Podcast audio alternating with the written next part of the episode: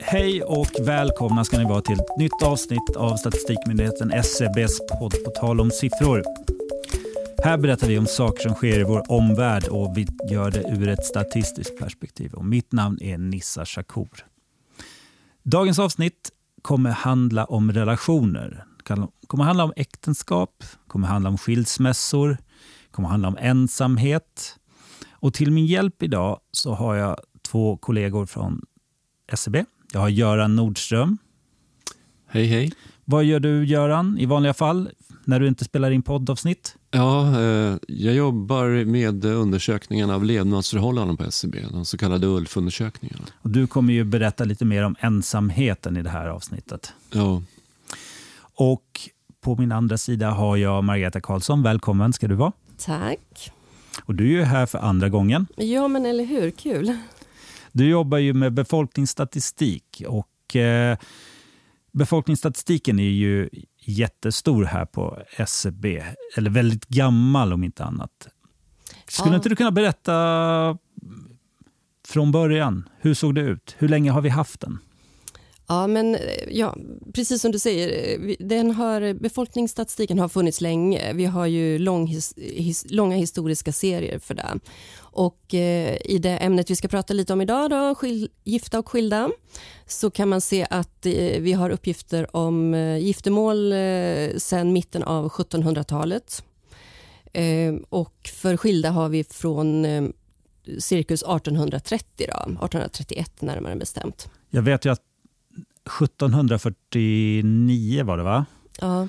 När statistiken började. Då var det ju 14 000 par som gifte sig. Men eh, 1831 när vi har de första registrerade skilsmässorna i statistiken. Mm. Det många tog ju ett tag innan eh, vi har statistik över det och eh, det kanske beror på att inga att man inte kunde skilja sig eller det accepterades inte på det sättet. Då, kanske.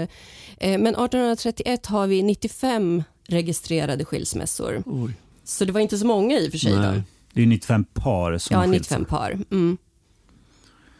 Och Har- sen kan man väl se också att eh, det är inte så att det antalet ökade väldigt fort utan eh, det tar lite drygt 40 år för att eh, siffran än ska komma över 200 par och det gör den 1874. Ja, det är inte mycket. Idag så är det ju 24 000 par som skiljer sig. Eller den senaste statistiken från 2017 som vi har visar 24 000 par som skilde sig det året. Ja, det stämmer. Så det är stor skillnad från eh, 1831 då 95 par skilde sig. Ja, fast det har ju gått ett tag i och för sig också. så det har hänt mycket. Ett förändrat samhälle till exempel. Jag tänkte om vi vänder blicken till någonting mer positivt. Eh, när man gifter sig, det är ju ändå lite mer eh, trevligt att prata om än när man skiljer sig. Kan inte du bara berätta kort hur, eh, hur ser det genomsnittliga paret ut som gifter sig i Sverige? Mm. Ja, men det kan jag göra. Eh, man kan väl först berätta att varje år så gifter sig lite drygt 50 000 par då i Sverige. Och eh, det är oftast mellan en kvinna och en man. Eh, man gör det gärna en lördag på sommaren. Man hoppas väl på fint väder tänker jag till exempel. Eh, och innan man gifter sig är det väldigt vanligt att man le- redan lever som sambos. Då. Och hur gamla är de som gifter sig? Ja, om man tittar på kvinnor och män som gifter sig första gången så är kvinnor lite drygt 33 och män lite drygt 36. Och Det är väl också det vanliga att männen oftast är, mannen oftast är lite äldre. Några år äldre. Ja. Ehm, Just äktenskap, där har ju eh, statistiken den, den är ju hyfsat jämn hela tiden. Men det finns ju ett år som sticker ut jättemycket i statistiken och det är ju 1989. Om du kan berätta lite mer om det här året. Mm. Ja, det sticker ju verkligen ut för att då gifte sig eh, nästan 109 000 par, vilket är väldigt mycket i den här tidsserien. Och då ingår jag nog i ett av dem, tror jag. Ja, det var det år jag gifte mig. Vad roligt eh, att vi har ett levande bevis på, på det då, Ja. här i, i studion. Fick du Eh, trängas? Nej, det kan jag inte säga. Det, det var inte svårt att få på plats. Det var ingen köbildning direkt. Var det inte? Eh, eh, och eh, vi antar ju att varför det var så många par, till viss del i alla fall, som gifte sig då, är ju att man ändrade reglerna för änkepension sen 1990. Man skulle ha varit gift innan 1990. Men hur var det för dig, Göran? Var det därför eller hur? Nej, det var inte på grund av änkepensionen kan jag säga. Nej, du var kär. Och galen. Ja, vad härligt. Det är mycket roligare i och för sig. Nej, så det är ju ett år som sticker ut eh, väldigt. Jag vet ju att året innan 89, alltså 88, så var det ju 44 000 par som gifte sig. Och året därpå, 1990, så var det ju 40 000 par. Så det här sticker ju verkligen ut i statistiken. Ja, vi hittar inget liknande i, i varken gifta eller skilda tidsserierna som sticker ut på det sättet. Men en annan sak, du har ju sagt så, eh, eller du berättade ju tidigare när män gifter sig med kvinnor eller kvinnor gifter sig med män. Men vi har ju samkönade äktenskap också i Sverige. Det är ju tillåtet att gifta sig med vem man vill. Ja, det stämmer ju. Sen 2009 är ju äktenskapslagen eh, könsneutral, vilket innebär att man får gifta sig med en person av vilket kön som helst om man säger. Eh, och det vanligaste är ju att det är en kvinna och man som gifter sig men även, det sker ju också såklart giftermål mellan personer av samma kön. Och den senaste, senaste statistiken då, som gäller 2017 då, kan, då är det eh, lite drygt 1300 personer som gifter sig med en person av samma kön. Då. Och Men det är skiljer något... sig eh, statistiken där? Hur ser det ut med kvinnor som gifter sig med kvinnor och män med män? Mm. Eh, det är fler kvinnor som gifter sig med kvinnor än män med män. Då. Ja. Men om man ska se något som är lika med, med olikkönade par då, så är det så att männen oftast är äldre. När de gifter sig? Ja. Jag vet inte vad det beror på. Är det tröghet eller jag har ingen aning. Nissa, du är ju inte gift. Nej, det Nej, är jag inte. Jag är sambo fortfarande. Ja, det går ju bra där med. Vi pratar mycket om giftermål och skilsmässor och så här, men eh, om man tittar specifikt på gifta så även om man inte är gift behöver inte det innebära att man lever ensam. För i Sverige idag är det ju många som lever som sambo också. Så att eh, eh om man tittar på befolkningen så är det ju nästan en och en halv miljon personer som lever som sambos. Och, och det, många... kan man ju, och det kan ju vara på samma sätt som att vara gift. Ja, det är ju den juridiska skillnaden. Ja. Men alla äktenskap varar ju inte för evigt. Tyvärr. Ja, tyvärr. Jag tänker att man säkert vill det när man gifter sig. Ja. Mm. Eh, och eh, om ett äktenskap avslutas i skilsmässa, mm. hur länge har det varat då? Ja, då, I genomsnitt? Ja, i genomsnitt så har det varit eh, lite drygt 11 år. Och om, man det, om man jämför det med äktenskap som slutar med att den ena personen går bort så har det varit, de varit i snitt i 47 år. Så ja, det, är, det är ju jättestor ja, skillnad. Ja. Men man, kan, man måste också ha i åtanke att de flesta som gifter sig inte gifter sig bara hux flux. Många kanske gör det, men de allra flesta har ju på något sätt varit sambo. Ja, det vanliga är ju att innan man gifter sig så är man redan sambo. Det kan vi se i vår hushållsstatistik vi har att man redan lever tillsammans innan hur, man gifter sig. Hur var det med dig Göran? Var du sambo innan du gifte dig? Eller? Ja, det stämmer. Det passar in där också. Mm. Det är inte så vanligt att man kanske bara åker till Las Vegas och gifter sig sådär hux flux. Jag vet inte. Skulle ju vara roligt i och för sig. Mm. Fakta. Eller? Feeling. Pingst var den tidpunkt 2018 då alla flest gifte sig i Sverige. Fakta eller feeling? Feeling. Nej, det stämmer inte. Pingst var inte den tidpunkt på året då flest gifte sig. Det var istället den 9 juni. Varför då kanske ni undrar? Jo, då höll nämligen Skansen öppet för drop-in-vigslar. Ja, vad trodde ni? Var det som ni hade trott? Att pingst inte var den mest populära dagen då man gifte sig? Jag tänker att det var det förr, va? men jag visste inte riktigt hur det var idag. Jag har aldrig varit på ett pingstbröllop. Eller jag vet faktiskt inte. Det kanske var pingst när jag var på ett bröllop. Mm. Ja, jag har nog samma uppfattning tror jag. Mm. Du då Göran, gifte du dig ja. när det var pingst? Nej, det var några veckor senare faktiskt. Ja, det var det fint väder i alla fall. första juli. Första juli. Du gifte dig ju det här all time high-året. Var det, hur kändes det? Här? Var, ni, var det liksom ett stor gemenskap? Ja, nej, det, jag tror att det var nog ingen större besvär att få plats i kyrkan. Det okay. var det inte. Du, jag tänkte på att vi ska gå vidare nu. Och du, Göran, vi har ju pratat rätt mycket om giftermål mm. och eh, lite om skilsmässor. Vi ska ju prata om relationer, men Vissa människor lever kanske inte i relationer, de lever ensamma. Och Jag tänkte att vi skulle prata om just ensamhet och lite kring sociala relationer. Om du kan berätta lite vad du jobbar Du jobbar ju med undersökningen av levnadsförhållanden. Men om du kan berätta lite mer vad det handlar om? Ja, jo, undersökningen av levnadsförhållanden, eller ULF-undersökningarna som vi säger, eh, de innehåller ju frågor om välfärden i ett ganska brett perspektiv. Det handlar om både hälsa, boende, arbetsmiljö, ekonomi och eh, ja, sociala relationer. Då. Och vi, vi, vi, vi ställer de här frågorna för att vi vill få ett mått på hur välfärden ser ut och är fördelad i olika grupper av befolkningen och hur det här fördelar sig över tid och, eller förändras över tid också. Då. Vi på SCB har ju en mängd definitioner. Allting ska ju definieras här på SCB. Ja. Eh, och ensamhet är ju en sån sak. Jag tänkte om du kunde bara förklara för, för alla lyssnare vad, hur vi förklarar ensamhet eller vad vi menar med ensamhet? Ja, eh, det, det, egentligen så är det en enda fråga vi ställde i 2012-2013 års undersökningar. Då, och då ställde vi frågan så här. Har du känt dig ensam under de senaste två veckorna? Och där är ju inte mycket mer definition egentligen, att folk själva får tänka efter. hur man själv känner. Ja, just mm. det. Så att, eh, vi hade ingen definition av att med ensamhet menas och så vidare, utan man får tänka efter. Men hur många var det? Ja, då skattar vi det till ungefär 14 procent av befolkningen, 16 år äldre.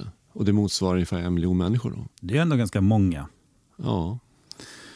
Men den här gruppen ensamma, den, där kan man också titta på, eh, på män, man kan titta på kvinnor. Hur, hur skiljer de sig? För att jag och jag tror många andra tänker ofta att ja, män måste vara mer ensamma än kvinnor. Stämmer det? Eller? Ja, ja det, det, finns uppgifter om det faktiskt. Och det beror på det lite olika undersökningar. Det beror på hur man har ställt frågorna, vilka frågor man har ställt. Men eh, så som vi ställde frågan i ULF-undersökningen, om man har känt sig ensam, då är det snarare tvärtom. Att det är en högre andel kvinnor som är ensamma än män. Då. Det är 16 procent av kvinnorna och 11 procent av männen som, som kände sig ensamma. Kan det kanske bero på att eh, kvinnor lever längre än män? Det kan det göra. Det är i synnerhet äldre kvinnor som är, eh, uppger ensamhet. Då. Eh, 24 procent av kvinnorna 75 till 84 år och var tionde man bara, 9 procent, eh, var ensamma i den, i den bemärkelsen. De här kvinnorna som säger att de, de äldre kvinnorna där som uppger att de känner sig ensamma, vet man om de lever med någon eller om de ofta bor själva? Eh, ja, det är faktiskt eh, sant att det, det är en, en, högre andel bland de ensamboende som upplever ensamhet än, än de som är sambo. Och, och, det vet vi därför att vi ställer frågor då eh, utifrån olika bakgrundsfaktorer som olika hushållstyper, olika utbildningsgrupper, åldersgrupper, regioner och så vidare. Mm. Men jag tänkte på en annan sak kring ensamhet. Eh, om man har en vän. Ja. För där tittar vi ju också på eh, eh, om man bor tillsammans med någon men har en nära vän eller om man inte har en nära vän. Det stämmer. Det, det är en mer beständig fråga än den här om ensamhet som var ett hugskott bara under ett par år. Eh, den här frågan som vi ställer då om eh, man har någon nära vän som man eh, kan prata med om vad som helst. Då. Och då ska man inte räkna med eventuell sambo, eh, make sambo. Och hur ser det ut då? Uh, ja, att, ha en, att inte ha en nära vän, det är betydligt vanligare bland män än, än bland kvinnor. Och uh, vi ställde den här frågan första gången, eller vi och vi, utan SCB kan man säga, före min tid. Då. Men SCB ställde den här frågan första gången 1979. Och uh, den här frågan ställs varje år sedan dess, då, om man har en nära vän. Och statistik som vi har från början på 80-talet det visar att ungefär ja, 32 procent av, av männen hade inte någon nära vän då. Och när vi har följt det här under åren så kan vi se att 2016-2017 är andelen nere på 17 procent. Alltså det var en bra utveckling, eller hur? En väldigt bra utveckling. Mm. Och tittar man på kvinnorna så är det samma sak. Den har halverats den andelen från 20 procent till 10 procent i samma tid. Ja, men det är ju skönt att höra. Mycket positivt faktiskt. Mycket bra. Men det finns en annan aspekt av ensamhet och det är det vi kallar för social isolering. Ja, just det. Och, och, det, och när vi menar, när vi eh, kallar det för social isolering så gör vi det utifrån de frågor som vi har i undersökningen om hur ofta man, man träffar någon nära anhörig, någon vän och så vidare. Och vad vi kallar för socialt isolerade då, det är folk som bor ensamma och samtidigt inte träffar någon nära anhörig, det vill säga förälder, barn eller syskon eller någon annan som man inte bor tillsammans med. Då. Ofta någon, eh, några gånger i månaden. Det är alltså max varannan vecka man ska träffa någon annan. Ja, just det. Och hur många är de här som lever i social Eh. isolering? Och det är fortfarande personer som är 16 år och äldre. Just det. Eh, lite drygt 4 procent av befolkningen, ungefär drygt 300 000 personer. Det är som ett Malmö alltså. Ja, det kan man säga. Ett Malmö som inte träffar någon annan mer än varannan vecka, max. Ja. Ett Malmö som sitter inne Mm. hemma bara och, och det inte lät pratar inte med så någon. roligt. Nej, det är, det är dystert om man säger det så. mycket. Och eh, så så ska man komma ihåg att den här isoleringen är ju betydligt vanligare vid äldre åldrar. Och det är kanske inte så konstigt heller då att när man förlorar en nära vän kanske när man är, förlorar sin make maka när man är, kommer upp i åren och så vidare. Och sen när man blir äldre kan det vara så att man kanske inte har samma möjlighet att ta sig ut heller. Nej, Det kan ju det. vara så. Ja. Ehm, men jag tänkte också på, eller jag undrar så här, det borde ju finnas, eller måste ju finnas någonting man kan göra. Några tips. Ja, det är faktiskt väldigt mycket forskat på det här med, med ensamhet och så. Och eh, nu är det till och med så att hälso och sjukvården går ut med rekommendationer. Och eh, eh det bygger bland annat på en, eh, en forskare, en amerikansk eh, psykolog som eh, heter, eller hette rättare sagt, John Capioccio. Och Han avled tyvärr för knappt ett år sedan. Men han eh, eh, utvecklar en teknik som eh, förkortar EASE. Is. Easy, ja, som man kan utläsa som lindra också. Mm. Och hur funkar den då? Ja, det är en, en metodik man kan kanske försöka använda sig av om man försöker slippa vara sig ensam eller komma ur sin ensamhet. Och det första E där, det, det är ju på engelska, det står för extend yourself. Alltså utvidga dig själv, försök att gå utanför det du gör i normala vardagen. Eh, hälsa på, småprata med människor man möter i affären eller på busshållplatsen. Och Brukar du göra det, Göran? det, det händer, när, när bussen är försenad på busshållplatsen då kan man utbyta några tankar och sådär lite högt. Ja, när man står och muttrar lite Ja, kanske sådär. Ja. Ja. Men det kan ju förstå att det är svårt för, för, för människor att träffas på det viset eller att, att bryta isen på det viset. Specifikt om man redan känner sig isolerad så är nog det steget ännu större va? än Ja. för någon som inte gör det. Ja, ju- just Och det. den andra delen då? Den andra A1, delen, vad står det A1 för? A1 står för action plan. Det vill säga man ska ha en handlingsplan. Man funderar ut sammanhang där man kan träffa likasinnade exempelvis i en sångkör eller en förening. Jag tror att det är ganska bra. Det Man ska ju helst hitta eh, sammanhang där man faktiskt pratar en del. ja, Kanske. Gör saker tillsammans, får kontakt. eh, Ja. Och S då? S står för selection, alltså selektion. Man, man ska välja ut ett fåtal personer, ett fåtal, där personkemin verkar fungera och eh, eh, som man vill bli vän med helt enkelt och som man kanske ja, kan hitta en, en, en, ett sätt att, att eh, bygga upp en vänskap med. Man Så ska inte investerar vara- man bara ja. i dem. Man ska inte vara med någon som dränerar en på energi. Det ska man Ja. aldrig vara va? Nej. helst eller oavsett. Absolut. Om man kan undvika det. Ja. Ja, eller kanske man kan säga att det, det kanske inte ska ha 500 vänner på Facebook som man kanske bara utbyter kontakter med. Det är bättre att ha några nära. Bättre att ha några få men väldigt nära vänner och odla de kontakterna. Och det sista? Det, E. sis, det sista är att det står för expect the best. Vi var ju lite inne på det, också. Ja. Att förvänta dig det bästa. Att man utgår från att människor vill, vill en väl helt enkelt. Eh, andra kanske sitter i samma situation och eh, har ett öppet sinnelag och, och helt enkelt de är snälla och, och, och vänliga och vill ha kontakt. Jag tycker faktiskt att de flesta är rätt schyssta. Ja, det, om man skrapar på ytan så tror jag nog att de flesta människor Ja, är det tycker jag också. Men eh, ja, återigen så, vi börjar med också att ensamhet och att känna sig ensam, det är, Ja. det är två olika saker. Och som John Cap- Capioccio, han sa så här att being with others doesn't mean you're going to feel connected. And being alone doesn't mean you're going to feel lonely. Och på svenska, Ja, på svenska blir det då alltså att, att vara med andra behöver inte betyda att du känner samhörighet. Och att vara ensam behöver inte betyda att du känner dig ensam. Ja, det tycker jag är jättefint. Ja. Och eh, man får hoppas att alla som är ensamma kanske eh, kan ta till sig ett eller flera av eh, Caciopos eh, tips. Ja, jag kan tipsa om Vårdguiden faktiskt. Då kan man läsa om det här. Finns Ja. det mycket tips där? Ja, bland annat om det här, de här is... De här, eh, ja, Capioccios Ja, men, metodik. ja. Jag tänkte vi avslutar där, för sen så kommer vi in till vår flygande reporter Julia Olderius. Nu står vi här på Hötorget i Stockholm tillsammans med Cecilia, och Martina. Och nu ska ni få svara på lite frågor kring kärlek.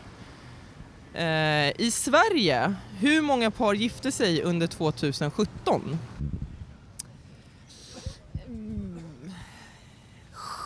76. Hon har ingen tillit till kärlek. Nej, nej, nej, mer, mer, mer. Upp, upp. Korrekt! Den korrekta siffran är 52 497 stycken.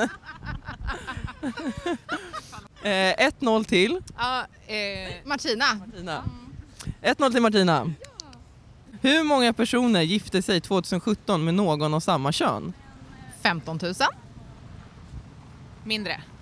Korrekt! Det, det exakta antalet är 1354 stycken. 1-1 alltså. Eh, hur långt är snittäktenskapet i Sverige innan det upphör? Antingen genom skilsmässa eller dödsfall. 75 år. Ja. Eh, lägre. Lägre är korrekt, det är 25,6 år. Så 2-1 till Martina. Du tror alltså att man är inte 75 år i snitt? Ah, nej, jag missförstod frågan. ja. Många tror att Sverige är det samhälle som har flest singelhushåll. Hur många singelhushåll finns det i Sverige? Eh, 20 procent. Nej, 30. 30 procent. Tyvärr, du måste svara en siffra. Oh, I tusental. Eh, 370, 375 000 hushåll. Mer. Mer! Det korrekta svaret är 1,8 miljoner 832 We're talking Stycken. millions here. 2-2, så det avgörs på den sista frågan. Hur stor del, hur, hur stor andel av Sveriges befolkning uppger att de inte har någon nära vän? Och nu är det då procent. 27. Mm, oh, ah, ah, nej, oh, nej, det här var tricky alltså. Eh, lelelelelelele. 27 procent i hela Sveriges befolkning inte har en nära vän. Eh, jag, jag säger för kärleken att det är lägre. Det är lägre. Det korrekta antalet är 13,2 procent. Så 3-2 till Martina. The winner takes it all! Åh, oh, vad roligt! Ja, de var ju duktiga, eller vad tycker ni? Göran? Maggan? Ja, jo, blandat kan man säga. Ja, det var högt och lågt, va? men det var klockrent roligt. Ja. Absolut. Och jag måste säga tack till dig Göran Nordström för att du var här. Tack själv för att jag fick vara här. Ja. Och tack till dig Margareta Karlsson för att Tack, du också Nisse. var med i dagens avsnitt. Tack så mycket. Och tack till alla er som lyssnar på eh, på tal om siffror, SCBs podd om statistik. Och ni vet att den här podden finns att lyssna på där poddar finns. Hej då!